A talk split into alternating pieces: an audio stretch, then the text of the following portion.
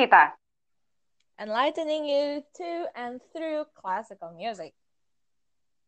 Bersama saya Cecil. Dan saya Yunis. Dalam episode pertama kami kali ini, kami akan membicarakan tentang apa sih Rinas Cita itu dan apa saja hal yang akan uh, kami diskusikan dalam episode-episode Rinas Cita berikutnya. Buat kalian, supaya kalian gak ketinggalan uh, updatean kami, kalian bisa follow Instagram kami at rinascita.id.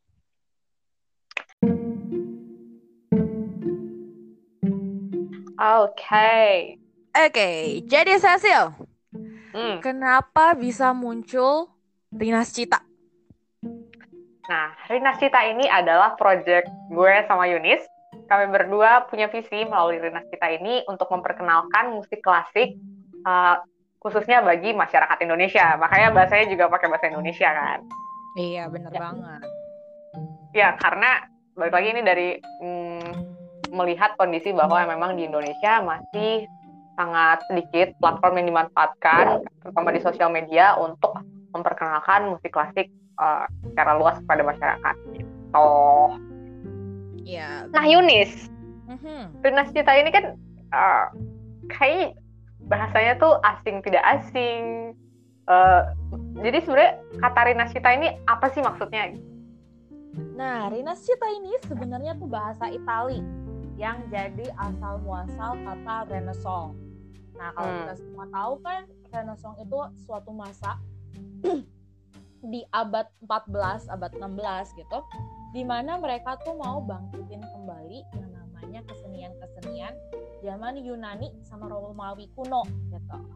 Nah, karena kita idenya juga adalah membangkitkan kembali musik klasik, makanya hmm. kita pakai nama yang mirip-mirip Renaissance gitu ya kita gitu.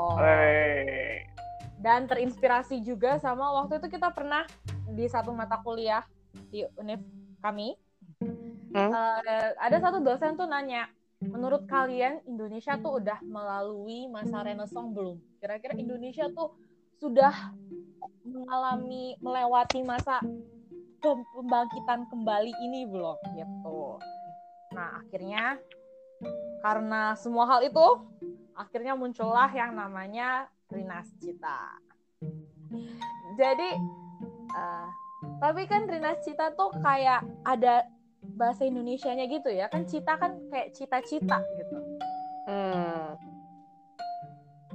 Iya sih bener kayak Rinas itu kalau ditelusuri teman-teman semua kalau misalnya coba berselancar di internet, Rinas itu sebenarnya artinya adalah sesuatu yang mencintai kedamaian. Iya kan Yunis? Iya kan? Iya, bener banget. Dan cita? Dan cita itu adalah sesuatu yang menciptakan. Iya bukan?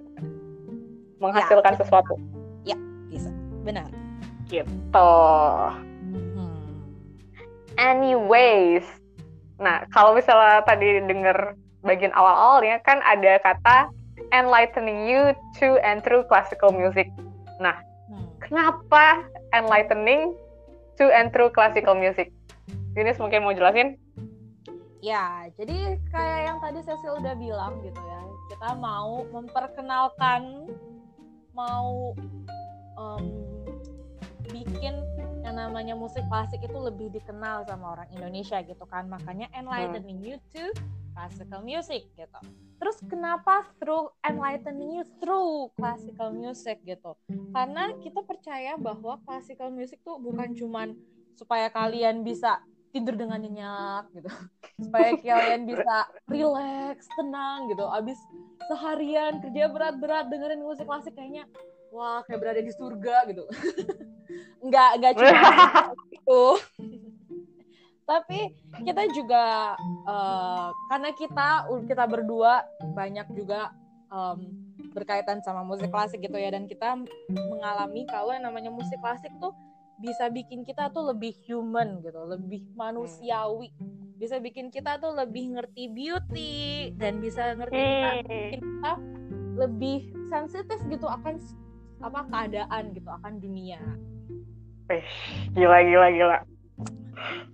Luar biasa. Turning you through magical music. Hmm. Itu dia. Nah, jadi apa yang bakal kita bahas nih, Cecil, di episode-episode berikutnya? Nah, jadi uh, dalam episode-episode berikutnya di Rinas kita ini kami berdua akan ngomongin tentang keterkaitan antara musik klasik dan kehidupan sehari-hari kita, terutama sebagai masyarakat Indonesia, yang mana adalah masyarakat yang uh, bisa dibilang masih kurang terekspos dengan musik klasik itu sendiri, gitu. Karena kan sebenarnya di uh, di seluruh dunia mungkin banyak banget orang-orang, terkhusus orang awam yang melihat musik klasik tuh sebagai musik yang nun jauh di sana gitu kan ya atau yang kayak tadi Yunis bilang kayak yang buat tidur atau yang buat merasa kayak ada di surga gitu habis capek-capek nah tapi di Indonesia ini uh, bisa dibilang presentasi apa ya tingkat kesadaran orang atau awareness orang lah terhadap musik klasik tuh jauh lebih uh, rendah dibandingkan sama negara-negara bahkan negara-negara tetangga gitu kan kayak Australia atau Singapura, Malaysia juga bahkan uh, lebih tinggi gitu. Ya banget tuh. Kayak kalau kita lihat yang namanya konser-konser musik, hall gitu di luar negeri tuh banyak banget kan. Hmm. Sedangkan di Indonesia ya hitungan jari dan itu pun juga adanya di kota-kota besar. Hmm bahkan di luar negeri tuh kayak tiap minggu ada nggak sih iya bener banget kalau kayak waktu itu di Jerman ya dia bisa satu bulan tuh setiap hari bisa ada konser di kenapa bisa muncul seperti itu gitu? di satu gedung yang sama. Wow. Nah heran gak sih? Kayak kenapa di luar bisa kayak gitu dan di Indonesia nggak bisa? Iya bener banget. Itulah yang akan menjadi uh, lingkupan iya cita obrolan kami dalam episode. Udah kita iya. Supaya bisa bangkitin semangat orang Indonesia juga. Oke okay, kalau gitu uh, stay tune untuk episode-episode kita berikutnya.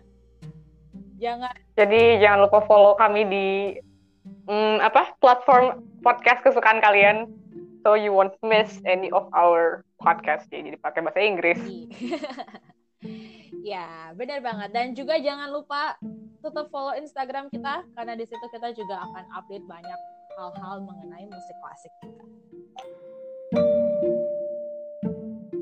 Sampai jumpa. Oke, okay, sampai jumpa.